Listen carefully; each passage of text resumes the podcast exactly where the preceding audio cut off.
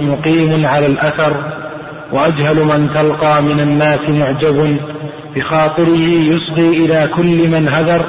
فدع عنك قول الناس فيما كفيته فما في استماع الزيغ شيء سوى الضرر. فقد أوضح الله الكريم بلطفه لنا الأمر في القرآن فانهض بما أمر. وخلف فينا سنة نقتدي بها محمد المبعوث غوثا إلى البشر. نعم. قال الناظم الإمام أبو القاسم الزنجاني رحمه الله وغفر له وما اجتمعت فيه الصحابة حجة وتلك سبيل المؤمنين لمن سبق. هذا البيت نبه فيه الناظم على مكانة إجماع الصحابة.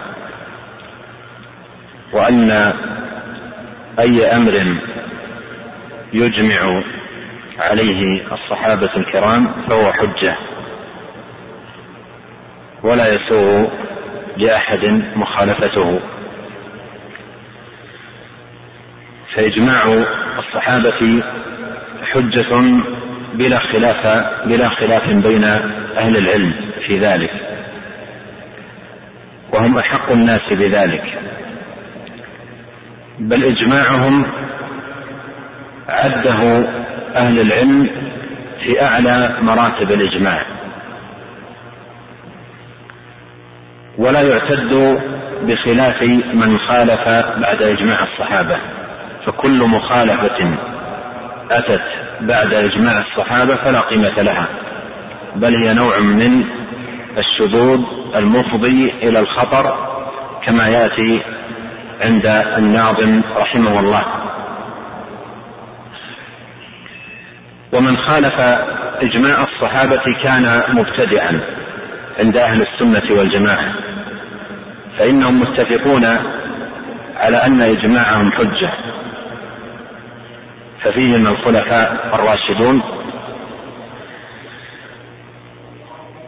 وهم خير القرون كما صح عن النبي صلى الله عليه وسلم أنه قال خير الناس قرني وهم الذين شهدوا التنزيل وأخذوا الدين غضا طريا من رسول الله صلى الله عليه وسلم. فالناظم هنا ينبه على مكانة إجماع الصحابة قال وما اجتمعت فيه الصحابة حجة أي لا يجوز لأحد مخالفته كائنا من كان. مهما كان المسوغ أو المبرر لترك ما أجمعت عليه الصحابة الكرام. قال وتلك أي ما أجمعت عليه الصحابة سبيل المؤمنين. تلك سبيل المؤمنين أي طريقهم ونهجهم. الأخذ بما أجمع عليه الصحابة الكرام رضي الله عنهم وأرضاهم. قال الله عز وجل ومن يشاقق الرسول من بعد ما تبين له الهدى ويتبع غير سبيل المؤمنين نوله ما تولى ونصله جهنم وساءت مصيرا وأي اتباع لغير سبيل المؤمنين أعظم من ترك ما اجمعت عليه الصحابة رضي الله عنهم وأرضاهم. وقد أورد ابن كثير رحمه الله في تفسيره لهذه الآية ومن يشاقق الرسول من بعد ما تبين له الهدى ويتبع غير سبيل المؤمنين أورد عند تفسيره لهذه الآية ما يتعلق بالإجماع. وقرر رحمه الله أن اتباع سبيل المؤمنين هي صفة ملازمة لاتباع الهدى لأن سبيلهم هو اتباع الهدى. ما أجمعت عليه الصحابة الكرام هو اتباع للهدى فاتباع سبيل المؤمنين صفة لازمة لاتباع الهدى. قال رحمه الله وقوله ويتبع غير سبيل المؤمنين هذا ملازم للصفة الأولى. أي ومن يشاقق الرسول من بعد ما تبين له الهدى. ولكن قد تكون المخالفة لنقص الشارع. ولكن قد تكون المخالفة لنص الشارع وقد تكون لما أجمعت عليه الأمة المحمدية فيما علم اتفاقهم عليه تحقيقا. فإنه قد ضمنت لهم العصمة في اجتماعهم من الخطأ تشريفا لهم وتعظيما لنبيهم. وقد وردت أحاديث صحيحة كثيرة في ذلك قد ذكرنا منها طرفا صالحا في كتاب أحاديث الأصول. ومن العلماء من ادعى تواتر معناها والذي عول عليه الشافعي رحمه الله في الاحتجاج على كون الإجماع حجة تحرم مخالفته هذه الآية الكريمة. هذه الآية الكريمة بعد التروي والفكر الطويل وهو من أحسن الاستنباط وأقوى من أحسن الاستنباطات وأقواها. وإن كان بعضهم قد استشكل ذلك فاستبعد الدلالة منها على ذلك؟ قال ولهذا توعد تعالى على ذلك بقوله نوله ما تولى ونصله جهنم وساءت مصيرا أي إذا سلك هذا هذه الطريق جازيناه على ذلك بأن نحسنها في صدره ونزينها له استدراجا له. وقول الناظم رحمه الله لمن سبر السبر في اللغة امتحان غور غور الجرح أو غيره. وسبر الأمور تقصي حقيقتها والتعمق فيها والبحث في أغوارها فمن سبر هذا الأمر أدرك تماما أن آه، سبيل المؤمنين أن من سبيل المؤمنين اتباع ما أجمعت عليه الصحابة الكرام رضي الله عنهم وأرضاهم. ثم قال وما لم يكن في عصرهم متعارفا وجاء به من بعدهم رد بل زجر. وما لم يكن ما اسم موصول بمعنى الذي وما لم يكن أي والذي لا يكون في عصرهم يعني في عصر الصحابة متعارفا متعارفا خبر يكن ما لم يكن في عصر في عصرهم متعارفا أي والذي لا يكون في عصر الصحابة متعارفا ومعنى متعارفا أي موجودا معروفا بين الصحابة وجاء به من بعدهم رد بل زجر من أتى به رد عليه وزجر أي عما أحدث وعما جاء به من الأمور التي ليست موجودة في زمن الصحابة. وهذا البيت يقرر فيه الناظم رحمه الله أن ما لم يكن دينا في زمن الصحابة فلا يكون دينا بعدهم. أن ما لم يكن دينا في زمن الصحابة لا يكون دينا فيما بعد. كما قال الإمام مالك رحمه الله ما لم يكن دينا زمن محمد صلى الله عليه وسلم وأصحابه فلن يكون اليوم دينا. ومر معنا قول حذيفة كل عبادة لا يتعبدها أصحاب رسول الله صلى الله عليه وسلم فلا تعبدوها. وأيضا مر معنا قول ابن مسعود في إنكاره على بدعة أصحاب الحلق قال لقد فقتم أصحاب محمد علما أو جئتم ببدعة ظلما. منبه بذلك رضي الله عنه أن ما لم يكن متعارفا بين الصحابة فهو بدعة ولهذا خيرهم بين الأمرين. قال فقتم أصحاب محمد علما أو جئتم ببدعة ظلما. لماذا؟ لأن ما لم يكن متعارفا بين الصحابة فهو من البدع. المحدثات. وما لم يكن في عصرهم أي عصر الصحابة الكرام رضي الله عنهم وأرضاهم متعارفا أي معروفا وجاء به من بعدهم يعني وجد فيما بعد. رد. أي رد على من جاء به. وليس هذا فقط بل زجر. أي نهي ومنع ووبخ من جاء بأمور لم تكن موجودة في زمن الصحابة. وهذا أيضا فيه تنبيه إلى أن الخير الذي شرع الله عز وجل لعباده وجد كاملا في زمن الصحابة.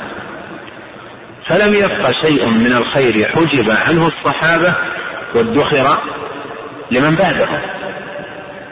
ومن ادعى لنفسه شيئا من الخير وأعمال البر ما لم يكن موجودا في زمن الصحابة فهذه دعوة فاسدة تتضمن أن أمورا من الخير حجب عنها الصحابة وحجب عنها الصدر الأول وادخرت لأقوام جاءوا بعد. ولهذا تكاثرت النصوص عن أئمة السلف رحمهم الله في التحذير من البدع.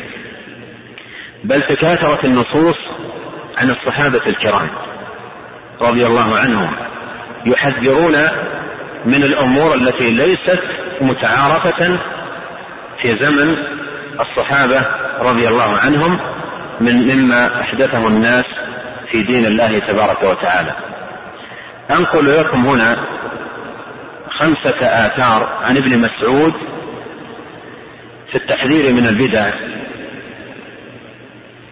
ويظهر لنا منها جليا المعنى الذي قرره الناظم رحمه الله. قال ابن مسعود رضي الله عنه إياكم والتبدع والتنطع والتعمق وعليكم بالعتيق. وقال اتبعوا ولا تبتدعوا فقد كفيتم وكل بدعة ضلالة. وقال إنها ستكون أمور مشتبهات فعليكم بالتؤدة فإنك أن تكون تابعا في الخير خير من أن تكون رأسا في الشر. وقال إنكم اليوم على الفطرة وستحدثون ويحدث لكم. فإذا رأيتم محدثا فعليكم بالهدي الأول. وقال عليكم بالطريق فلئن لزمتموه لقد سبقتم سبقا بعيدا. ولئن خالفتموه يمينا وشمالا لقد ضللتم ضلالا بعيدا. وقد جاء عن غير واحد من الصحابة التحذير من البدع ومما لم يكن متعارفا عند الصحابة من الأعمال والطاعات. وابن مسعود رضي الله عنه كان من أكثر الصحابة من نقل عنه التحذير من البدع. وأذكر أنني وقفت لأحد أهل العلم كلاما يبين فيه آه، السبب سبب كثرة النقول عن ابن مسعود في هذا الباب. وهذا الأمر أتركه إليكم بحثا تفيدوننا فيه في دروس قادمة إن شاء الله.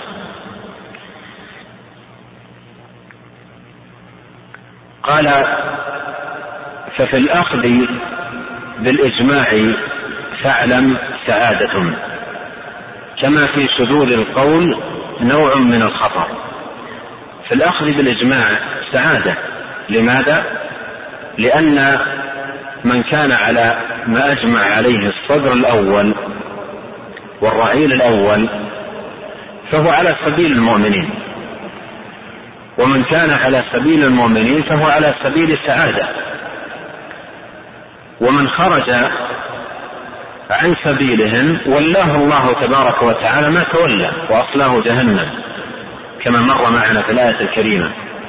فالسعادة في الأخذ بالإجماع بما أجمع عليه الصدر الأول الصحابة ومن اتبعهم بإحسان. والله تبارك وتعالى أثنى على من كان هذا سبيله.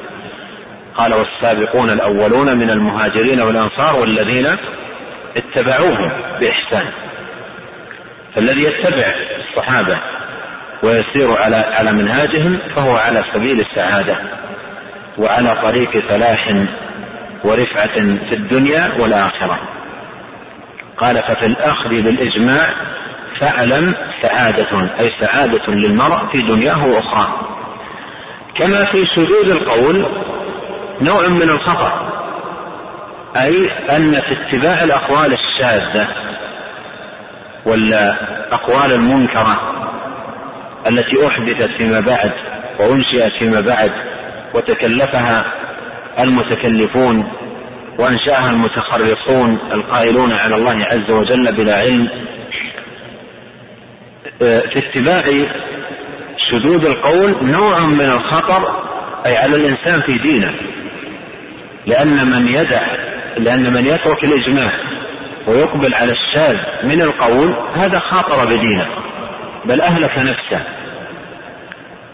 بتركه لسبيل المؤمنين وتتبعه للشاذ من القول مما هو نتاج الأفكار القاصره ونتاج الأوهام والظنون والتخرصات والقول على الله تبارك وتعالى وفي دينه بلا علم. قال ومعترض اترك اعتماد مقاله معترض أي على ما كان عليه الصحابة. من كان معترضا على ما كان عليه الصحابة من اتباع للسنة. وتمسك بهدي النبي عليه الصلاة والسلام وحذر من البدع والأهواء. فمن كان معترضا على ما كان عليه الصحابة اترك اعتماد مقاله. يعني آه، دع مقاله جانبا واتركه واحذر منه. فمقاله لا يلتفت إليه ولا يعبى به بل يترك ويهجر. ومعترض اترك اعتماد مقاله يفارق هذه صفة للمعترض يفارق قول التابعين ومن غضب. المعترض هو الذي يفارق قول التابعين ومن غبر بمقاله الفاسد وقوله المنحرف الذي أحدثه في دين الله تبارك وتعالى مفارقا به قول التابعين. ومن غمر أي ومن سبق ومضى قبل التابعين من الصحابة الكرام. وغبر هنا معناها مضى. وللذهبي رحمه الله كتاب عنوانه العبر في أخبار من غبر. من غبر أي من مضى. ذكر فيه أخبار من غبر أي من مضى.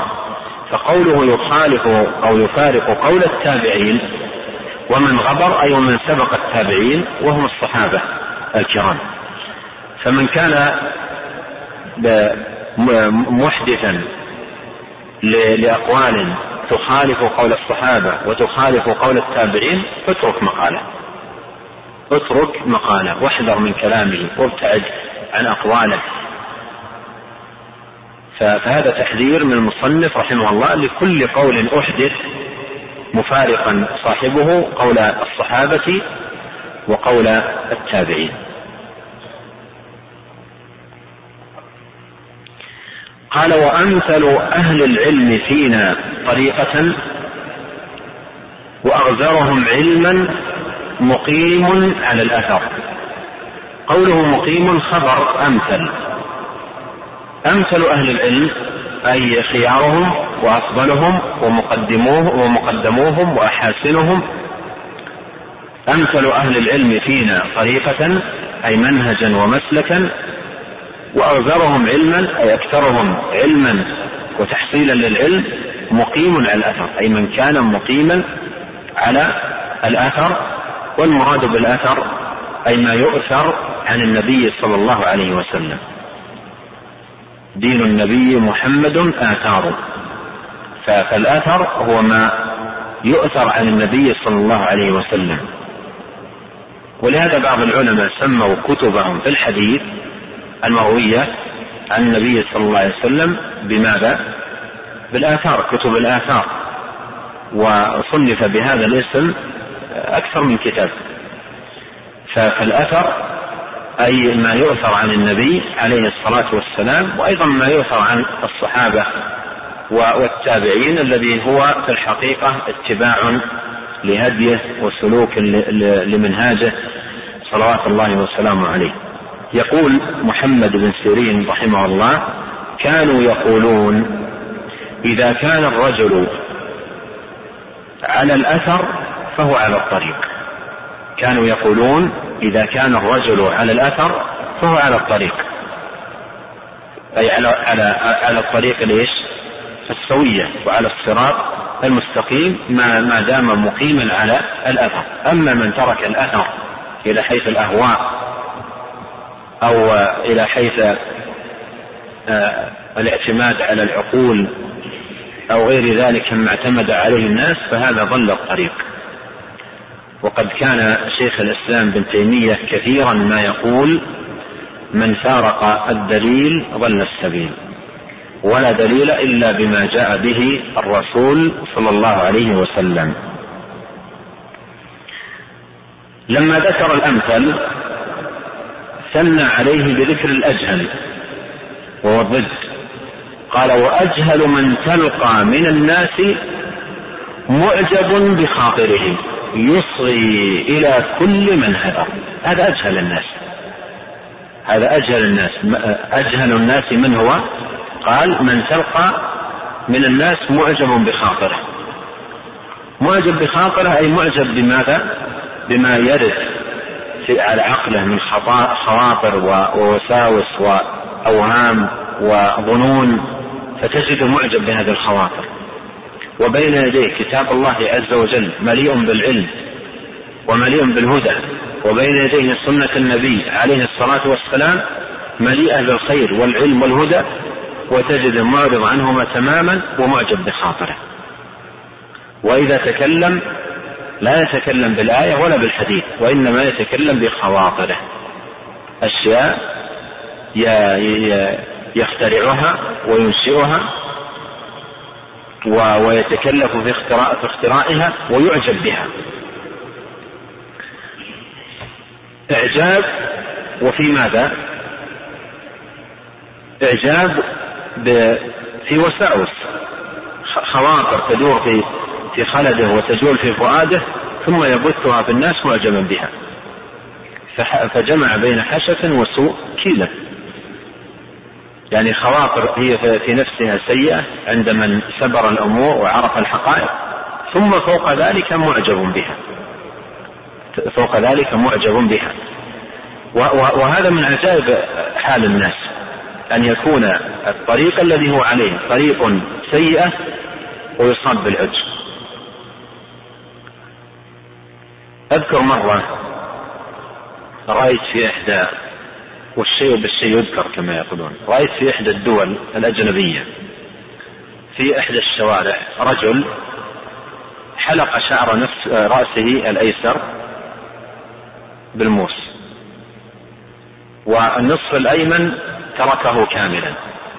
طويل. وهذا النصف الأيسر حلقه بالموس والنصف الأيمن تركه كاملا وصبغه باللون الأخضر.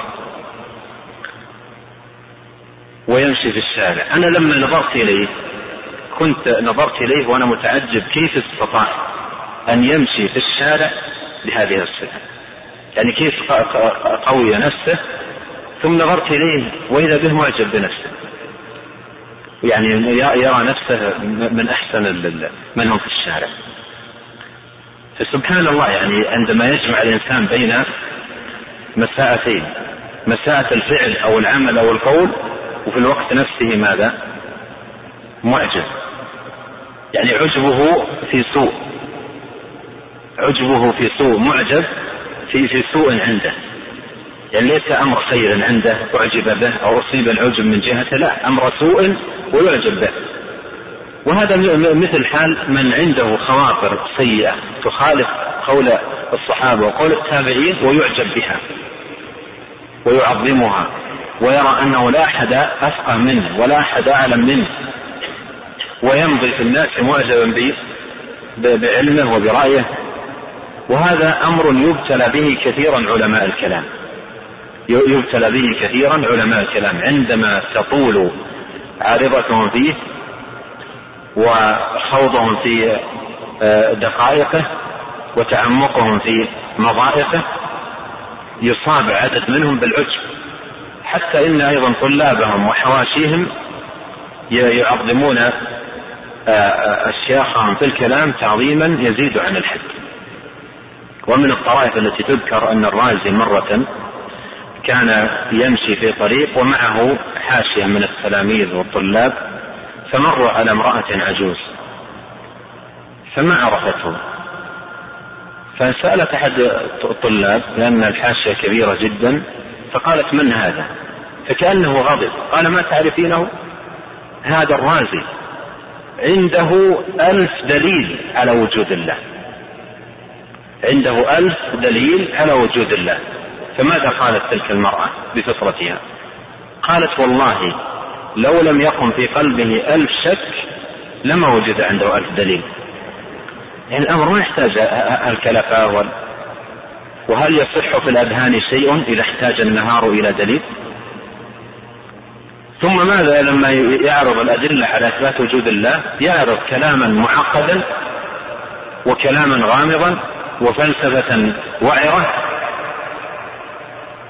ويريد أن يقرر بها أن الله تبارك وتعالى موجود. وهذا أمر من من أوضح الواضحات وأبين البينات. أرأيتم لو أن شخصا أخذ مجموعة من الناس وقال لهم في وضح النهار سأثبت لكم الآن أن الشمس موجودة. الدليل الأول الدليل الثاني ثم بدأ يتكلف لهم فلسفات يثبت لهم وجود الشمس. إن كان من حوله همج أعجبوا به. وإن كانوا عقلاء قالوا الأمر لا يحتاج.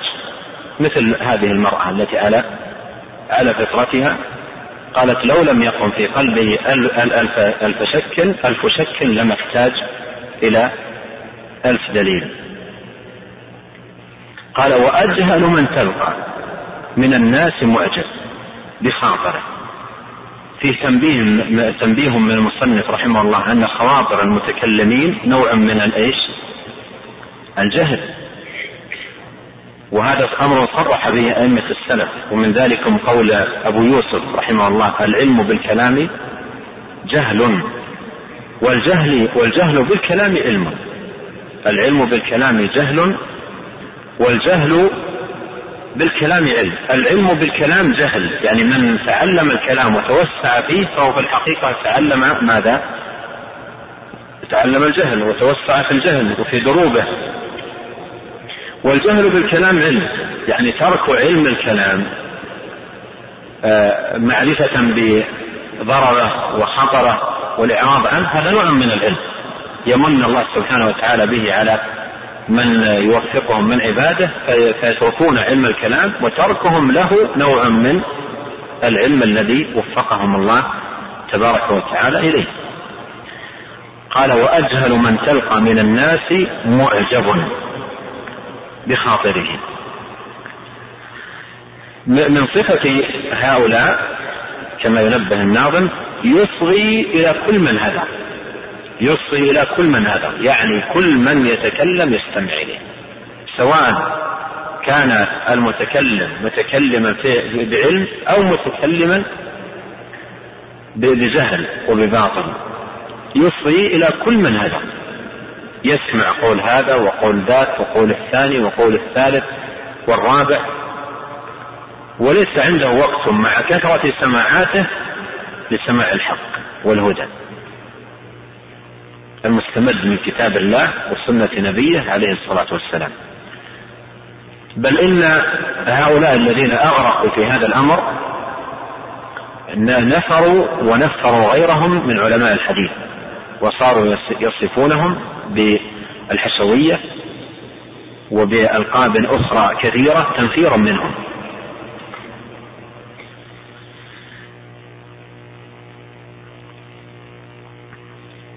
العجب مرض.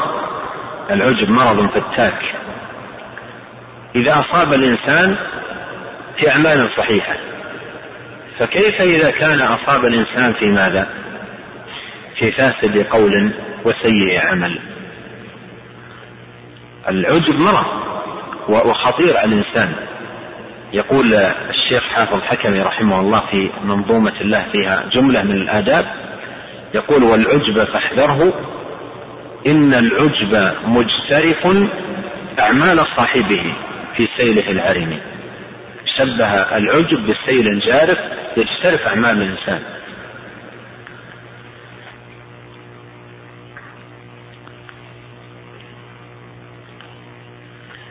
ثم قال الناظم فدع عنك قول الناس فيما كفيته. فدع عنك قول الناس فيما كفيته. دع, دع عنك قول الناس. الإشارة إلى في قوله الناس. هنا إلى ماذا؟ أي هؤلاء المتكلفون أهل الكلام وأهل القول على الله دع عنك قول الناس. فيما كفيته. مر معنا قول ابن مسعود رضي الله عنه اتبعوا ولا تبتدعوا فقد كفيتم. نظيره ما جاء عن عمر بن عبد العزيز رحمه الله الخليفة أنه كتب إلى بعض عماله. المراد بعماله ماذا؟ هذه تجدونها في كتب المتقدمين. الأمراء. ولاته وأمراؤه يسمون عمال وهذا موجود عند الإخوان في المغرب إلى الآن. يقال للأمراء في المناطق عمال عامل كذا وعامل كذا أي أمير. كتب إلى بعض عماله أوصيكم بتقوى الله والاقتصاد في أمره واتباع سنة رسوله صلى الله عليه وسلم وترك ما أحدث المحدثون بعده فيما جرت به سنته وكفوا مؤونته. هذا هو الشاهد.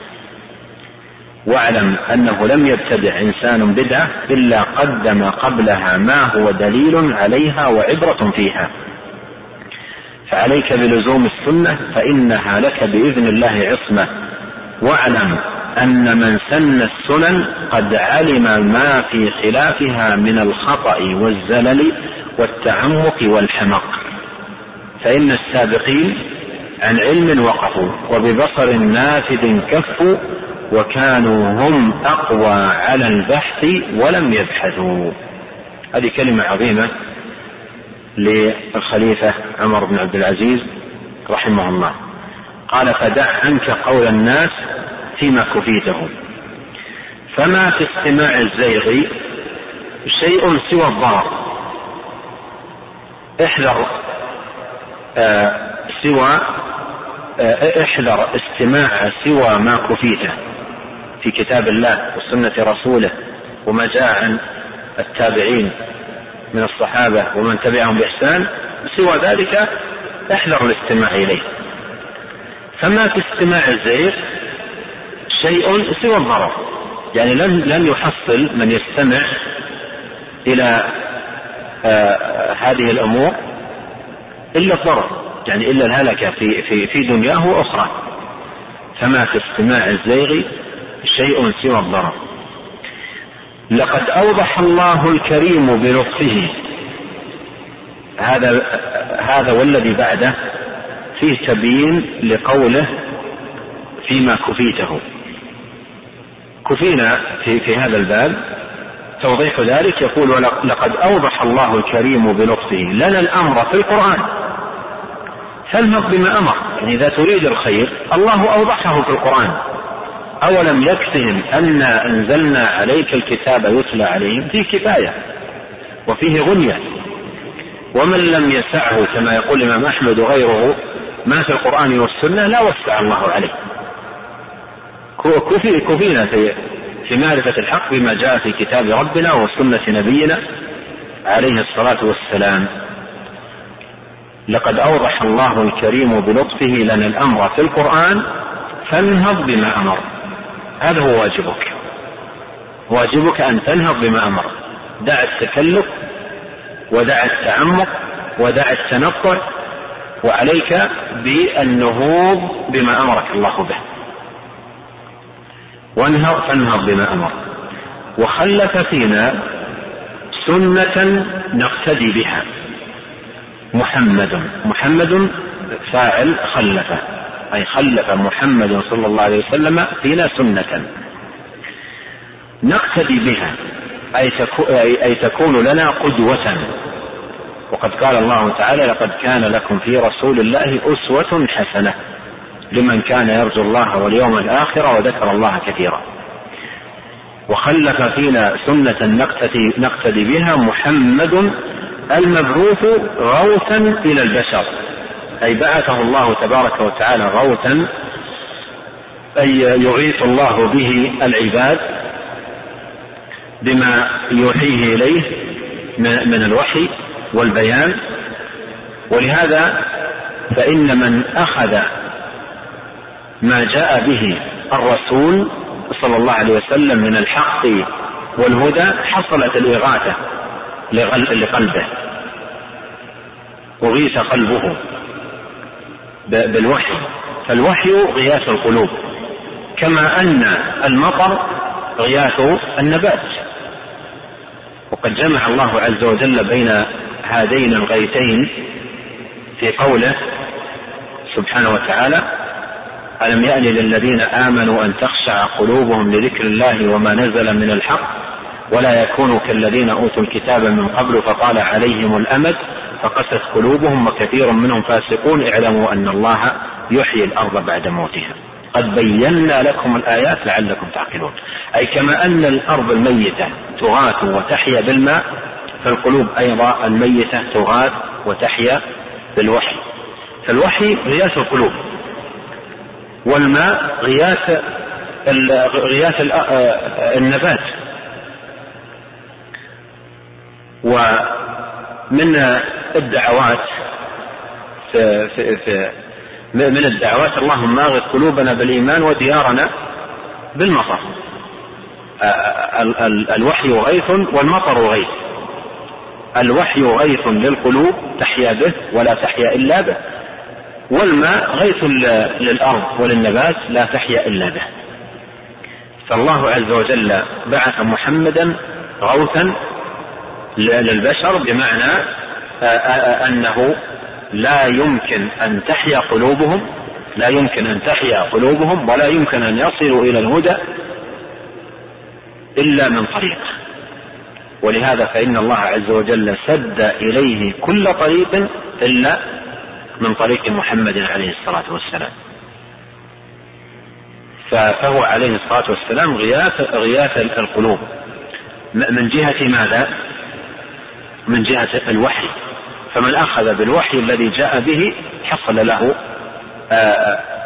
حصل لقلبه الغيث. حصل لقلبه الغيث. وليس معنى غوثا إلى البشر ما يعتقده ماذا؟ المتصوفة وأرباب الباطل يقولون غياث المستغيثين. فهو يسمونه غوثا بمعنى أنهم يستغيثون به. هذا شرك بالله. هذا شرك بالله سبحانه وتعالى. ولهذا ينبغي أن يفهم فيما يتعلق بالرسول عليه الصلاة والسلام هل هو واسطة بين الله وخلقه أو لا؟ هل هو غوث أو لا؟ إذا أريد بالواسطة والغوث المعنى المتقدم بمعنى أنه واسطة في بيان الدين وغوث للناس ببيان الدين لهم ونصحهم ببيان الدين لهم ونصحهم ودلالتهم للحق والهدى فهو بهذا المعنى غيث. وإذا كان المراد بغوث أنه يستغاث به ويطلب منه ما لا يطلب إلا من الله فهذا الشرك الأكبر. الناقل من من ملة الإسلام. لا يستغاث إلا بالله. إذ تستغيثون ربكم لا يستغاث إلا بالله. والناظم أراد بقوله غوثا إلى البشر هذا المعنى. أراد بقوله غوثا إلى البشر أي أن الله عز وجل أغاث البشر به أغاث البشرية به بما آتاه الله من العلم والحكمة. وقد جاء في الحديث إن الله عز وجل نظر إلى الأرض عربهم وعزمهم فمقتهم إلا بقايا من أهل الكتاب. يعني طبق الظلام على الأرض. فالله عز وجل أغاث البشر ببعثة هذا الرسول الكريم داعيا إلى الله بإذنه وسراجا منيرا صلوات الله وسلامه عليه. وخلف فينا سنة نقتدي بها محمد المبعوث غوثا إلى البشر. كنت ذكرت لكم أن الزنجاني رحمه الله شرح آه، هذه المنظومة وشرحه لها فيه خرم. وقد وقع خرم كبير من أول الشرح إلى حيث هذا الموضع الذي وصلنا إليه الآن وهو البيت التاسع عشر. فوجد آه، من هنا آه، شرح الزنجاني رحمه الله ولم يوجد أيضا شرحه لهذا البيت كاملا وإنما جزء من شرحه لهذا البيت والأبيات القادمة آه، شرحه لها موجود إلا في موضع سيأتي فيما بعد فيه خرم ليس بالكبير. هنا في هذا الموضع في كلامه على هذا البيت الأخير قال قال أورد رحمه الله قول الله سبحانه وتعالى اليوم أكملت لكم دينكم. بدأ كلامه من قول لكم دينكم وما قبلها آه، فيه خرم وساقط. اليوم أكملت لكم دينكم وأتممت عليكم نعمتي ورضيت لكم الإسلام دينا. وقوله ومن يبتغي غير الإسلام دينا فلن يقبل منه وهو في الآخرة من الخاسرين. وقوله ما فرطنا في الكتاب من شيء. وقوله لرسوله عليه السلام وأنزلنا إليك الذكر لتبين للناس ما نزل إليهم ولعلهم يتفكرون وعلمنا أي الله أنه صلى الله عليه وسلم مأمور لا يقصر أو لا يقصر عن امتثال أمر مولاه بل يؤديه إلى الأمة بل يؤدي إلى الأمة ما بعثه به ولا يألو شفقة ولا نصحا في البيان لهم. وبذلك وصفه الله تعالى حيث قال عزيز عليه ما عنتم حريص عليكم بالمؤمنين رؤوف رحيم. وأن الله لم يقبضه إليه إلا بعدما أكمل البلاغ وقام بحق النذارة وبين للأمة ما بها إليه الحاجة من أصول الدين وفروعه وأحكامه وأقسامه وآدابه وأخلاقه. ولم يبقى على نفسه حجة ولم يبقي على نفسه حجة مدة بقائه في تأديبهم وفي تعليمهم وتهذيبهم وتقويمهم وإيضاح جليل العلم ودقيقه لهم فلم يبق بعد ذلك على الخلق على طبقاتهم إلا التعرف إلا تعرف العلم من جهته وتبين الحكم من جنبته إنفاذ ذلك على نفسه وغيره والاستعاذة بالله من مخالفته وترك متابعته صلى الله عليه وسلم.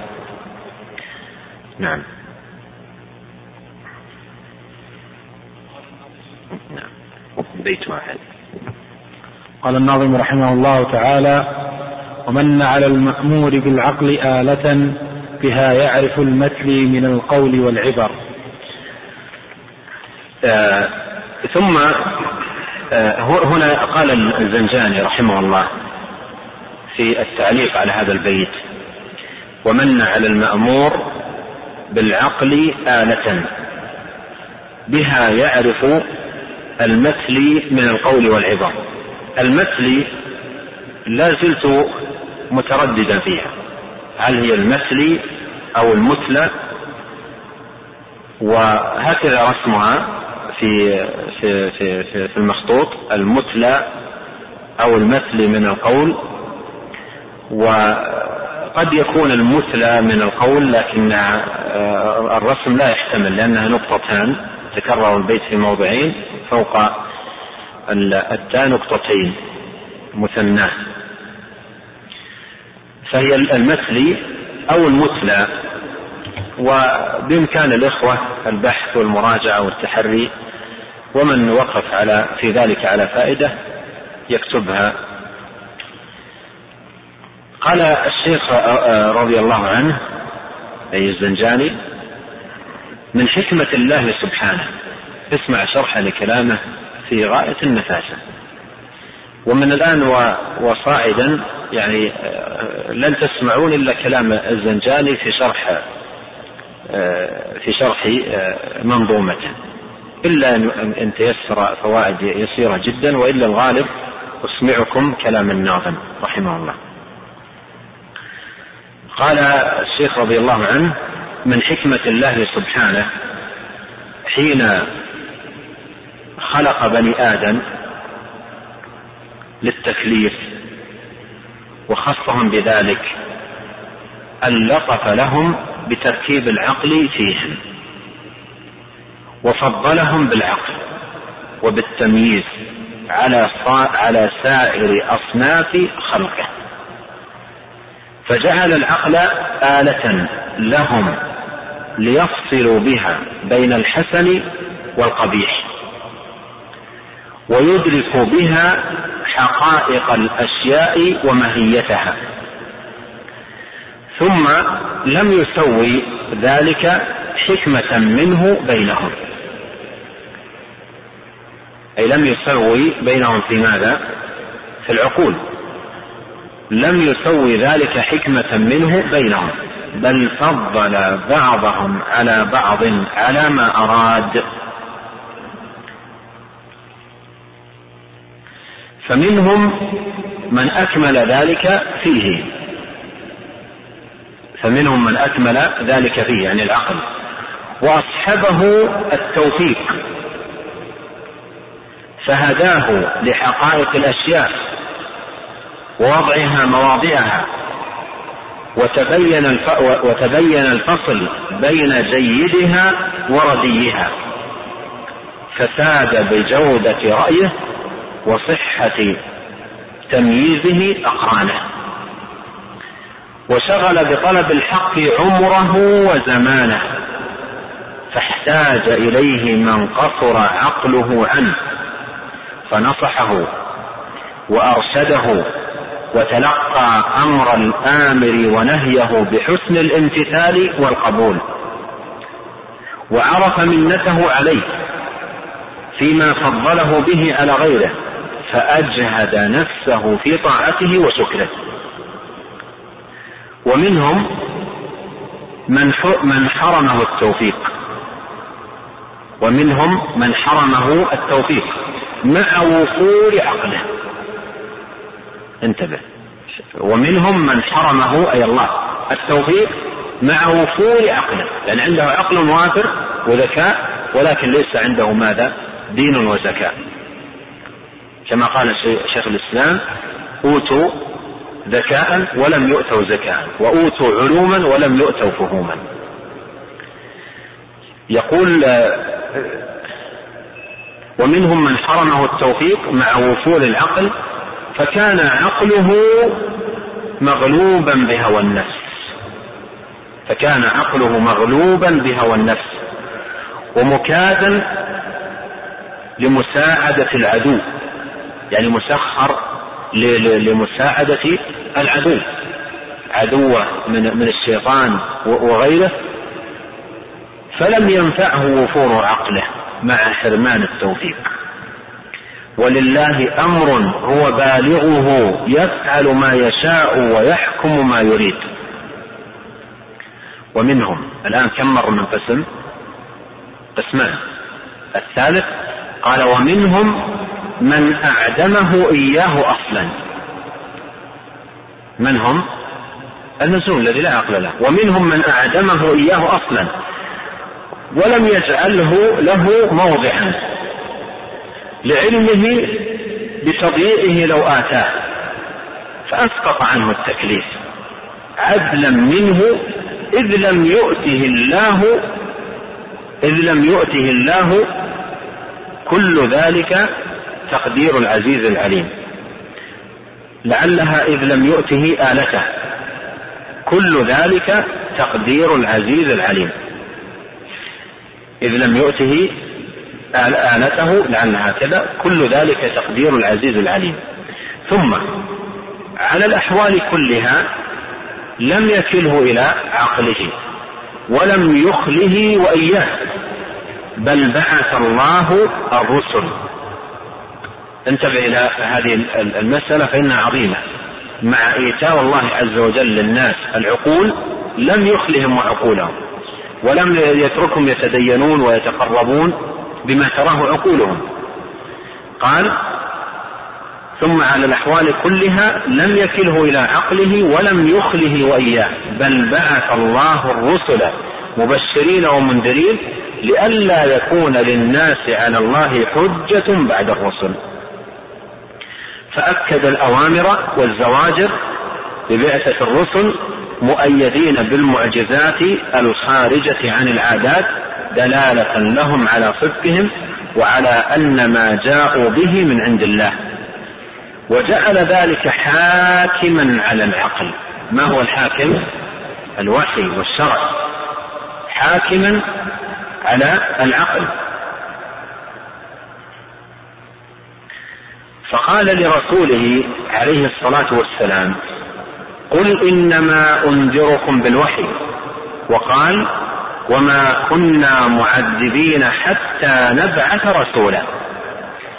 فلم يعذر أحد بلغته النذارة في ترك ما أتاه به النذير بل ألزمه اللوم في مخالفة أمره. انتهى شرح الزنجاني لهذا البيت ثم شرع في البيت الذي بعده ولعلنا نكتفي بهذا القدر. وكما أخبرتكم من الآن وصائدا تسمعون في الغالب شرح الزنجاني رحمه الله لمنظومته.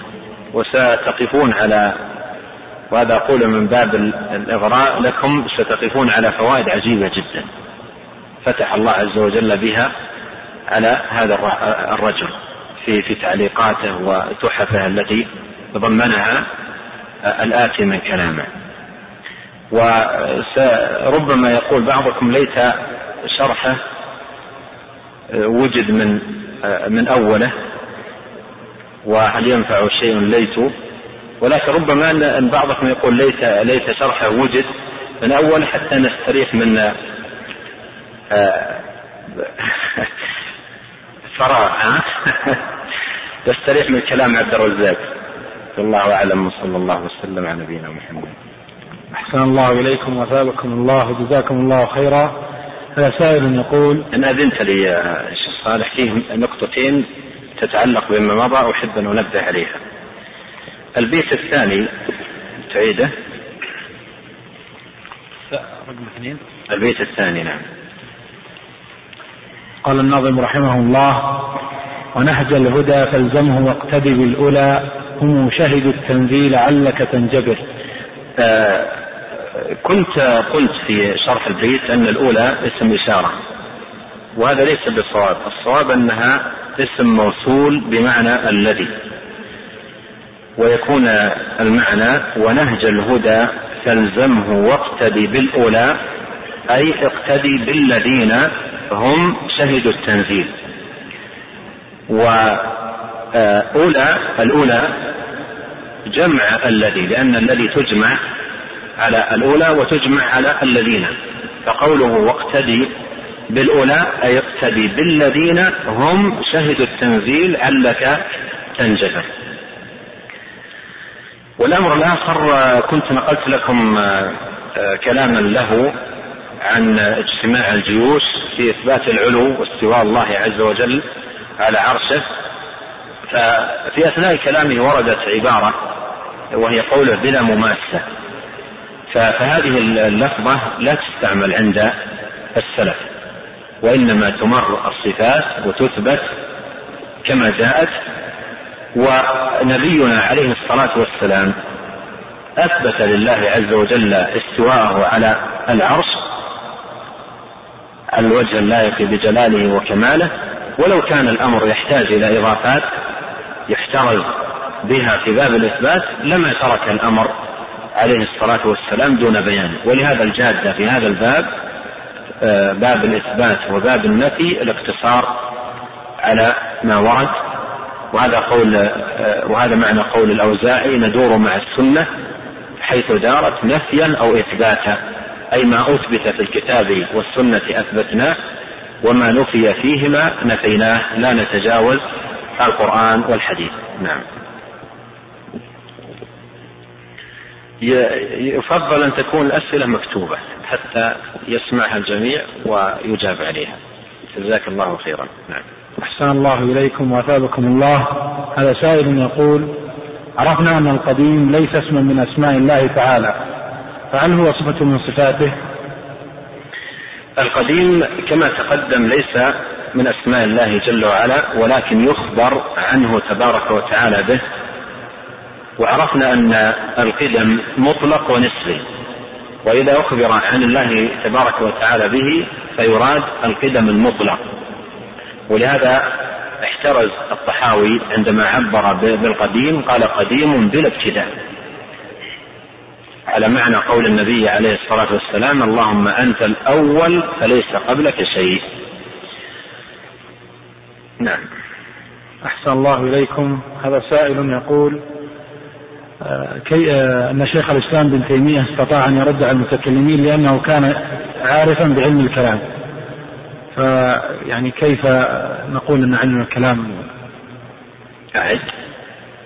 يعني هو واضح لكن يقول أن شيخ الإسلام استطاع أن يرد على المتكلمين لأنه كان عارفا بعلم الكلام. أيوه. ف يعني يريد السائل يتعلم علم الكلام؟ يعني ي... إنه ما هو مذموم يعني يقصد إنه ليس يعني كله مذموم أو كذا. علم الكلام مذموم. علم الكلام مذموم. ذمه السلف قاطبة. وحذروا منه. وابن تيمية رحمه الله كان من أئمة أهل السنة وأمضى حياته في نشرها وتعلمها وتعليمها. وفي مراحل من حياته آه، اشتغل بالرد على المتكلمين فرد عليهم بالآية وبالحديث وبكلام السلف وأيضا إضافة إلى ذلك بين فساد أقوالهم ببيان تناقضها. وأن الكلام الذي يقولونه متناقض. مستندا في ذلك إلى قول الله تعالى ولو كان من عند غير الله لوجدوا فيه اختلافا كثيرا فلما كان كلامهم من غير من عند غير الله وإنما اشياء اخترعوها فهو مليء بالتناقض. فكان عليه فكان رحمه الله يبين ما عليه هؤلاء من تناقض واضطراب وتصادم في في أقوالهم. وكان يضرب أدلتهم بعضها ببعض فتتساقط ويتبين هاؤها فهذا الذي كان قام به ابن تيمية. رد على هؤلاء بالكتاب والسنة والحديث وكان يحذر من شبه المتكلمين غاية التحذير. حتى إن ابن القيم رحمه الله يقول كلاما معناه ما انتفعت بشيء مثل انتفاعي بوصية لشيخ الإسلام ابن تيمية حيث قال لي اجعل قلبك للشبهة كالمرآة ولا تجعل قلبك للشبهة كالاستنجاء. لأن الاستنجاء ماذا؟ تمتص. أما المرآة تعكس مباشرة. فهذا الذي كان عليه شيخ الإسلام رحمه الله. أحسن الله إليكم. هذا سائل يقول نفع الله بكم كيف أفرق بين أن أكون سعيدا بما فتح الله علي والعجب؟ الإنسان يفرح. بما آتاه الله عز وجل. قل بفضل الله وبرحمته فبذلك فليفرحوا يفرح الإنسان بالتوفيق وبالهداية وبالصلاح وبالاستقامة. يفرح بنعمة الله. ويعرف أن هذا فضل الله تبارك وتعالى عليه ومنته وأنه لولا الله ما اهتدى. فلولا فضل الله عليكم ورحمته ما زكى منكم من أحد أبدا ولكن الله يزكي من يشاء. فالفرح بنعمة الله والسرور بفضل الله هذا أمر طيب. والعجب هذا أمر خطير ودام فتاك. العجب أن يغتر الإنسان بعلمه أو يغتر بمكانته أو يغتر بماله أو نحو ذلك. مثل أن يمن الله عليه بعلم فيقول على سبيل العجب أنا حقيق به. وأنا جدير بذلك وأصلا أنا أستاهل وأنا كذا يكون معجبا. ثم عجبه يتطلب منه أشياء يريدها من الناس. آه، تليق بقدره وبمقامه. كلها تتفرع عن العجب والعجب يتفرع عنه أدواء كثيرة وأمراض عديدة.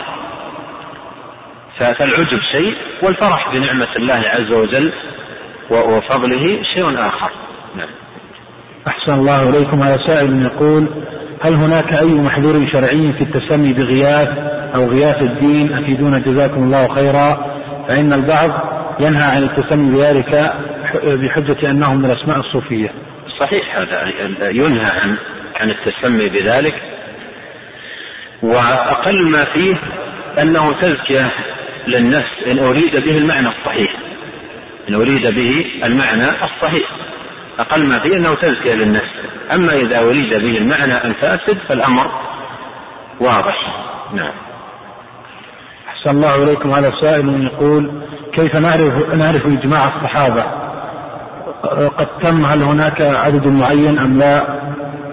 إجماع الصحابة هو الإجماع الذي آه، انضبط ويتصور وقوعه. لا لأنهم بمقارنة فيما جاء بعدهم قلة وإجماعهم آه، آه، يكون معروفا. ولهذا ابن تيمية رحمه الله لما أورد مقولة الإمام أحمد التي رواها عنه ابنه عبد الله قال الإمام أحمد من ادعى الإجماع فقد كذب.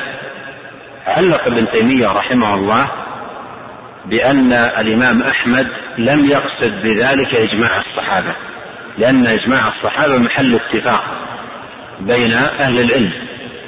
فيقول ابن تيمية الإمام أحمد لم يقصد إجماع الصحابة وإنما قصد إجماع من بعدهم لأن الكلام يعني آه، بمعناه لابن تيمية لأن إجماع الصحابة متصور.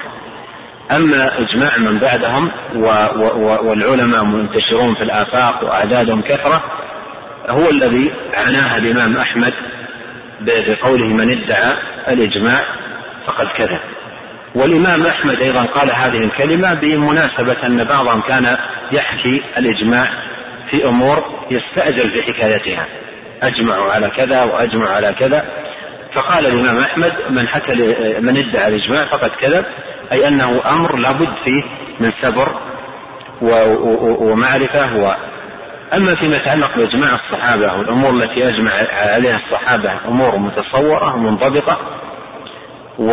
و... وإجماعهم محل اتفاق بين سلف الأمة وعد أهل العلم من آه، من البدع مخالفة ما كان آه، مجمعا عليه بين الصحابة الكرام. أحسن الله إليكم. هذا سائل يقول هل ورد في في معنى الاستواء الجلوس عند السلف؟ لم يرد. وشيخ الإسلام ابن تيمية رحمه الله لما آه، أشار إلى إلى هذا في في التدمورية قال قال وهو قدر يعني قال كلاما معناه وهو قدر زائد يحتاج إلى دليل يعني الجلوس والقعود ونحوها. هذه ألفاظ لم ترد. وإثباتها يحتاج إلى دليل. فنحن نقول استوى على العرش استواء يليق بجلاله وكماله سبحانه. نعم. أحسن الله إليكم. هذا سائل يقول ما معنى المعتزلة؟ أقعد في باب الصفات من الأشاعرة. كلمة واضحة ذكرها أهل العلم. المعتزلة أقعد أي مضوا في هذا الباب على قاعدة واحدة. وهي ماذا؟ نفي الصفات آه، كلها. قاعدة منضبطة. نفي نفي جميع الصفات. والأشاعرة أثبتوا بعضا ونفوا بعضا. فقاعدتهم غير منضبطة. قاعدتهم غير منضبطة. فالمعتزلة أقعد وإن كانوا أضل. لأن من ينفي الجميع أضل ممن ينفي بعضا ويثبت بعضا. لكنهم أقعد بمعنى أن قولهم في هذا الباب مضطرد فيه قاعدة مضطردة منضبطة في الجميع وهي النفي آه، نفي الجميع. أما الأشاعرة فقولهم متناقض يثبتون بعضا وينفون بعضا ولهذا رد عليهم أئمة السلف رحمهم الله بقاعدة القول في بعض الصفات كالقول في البعض الآخر.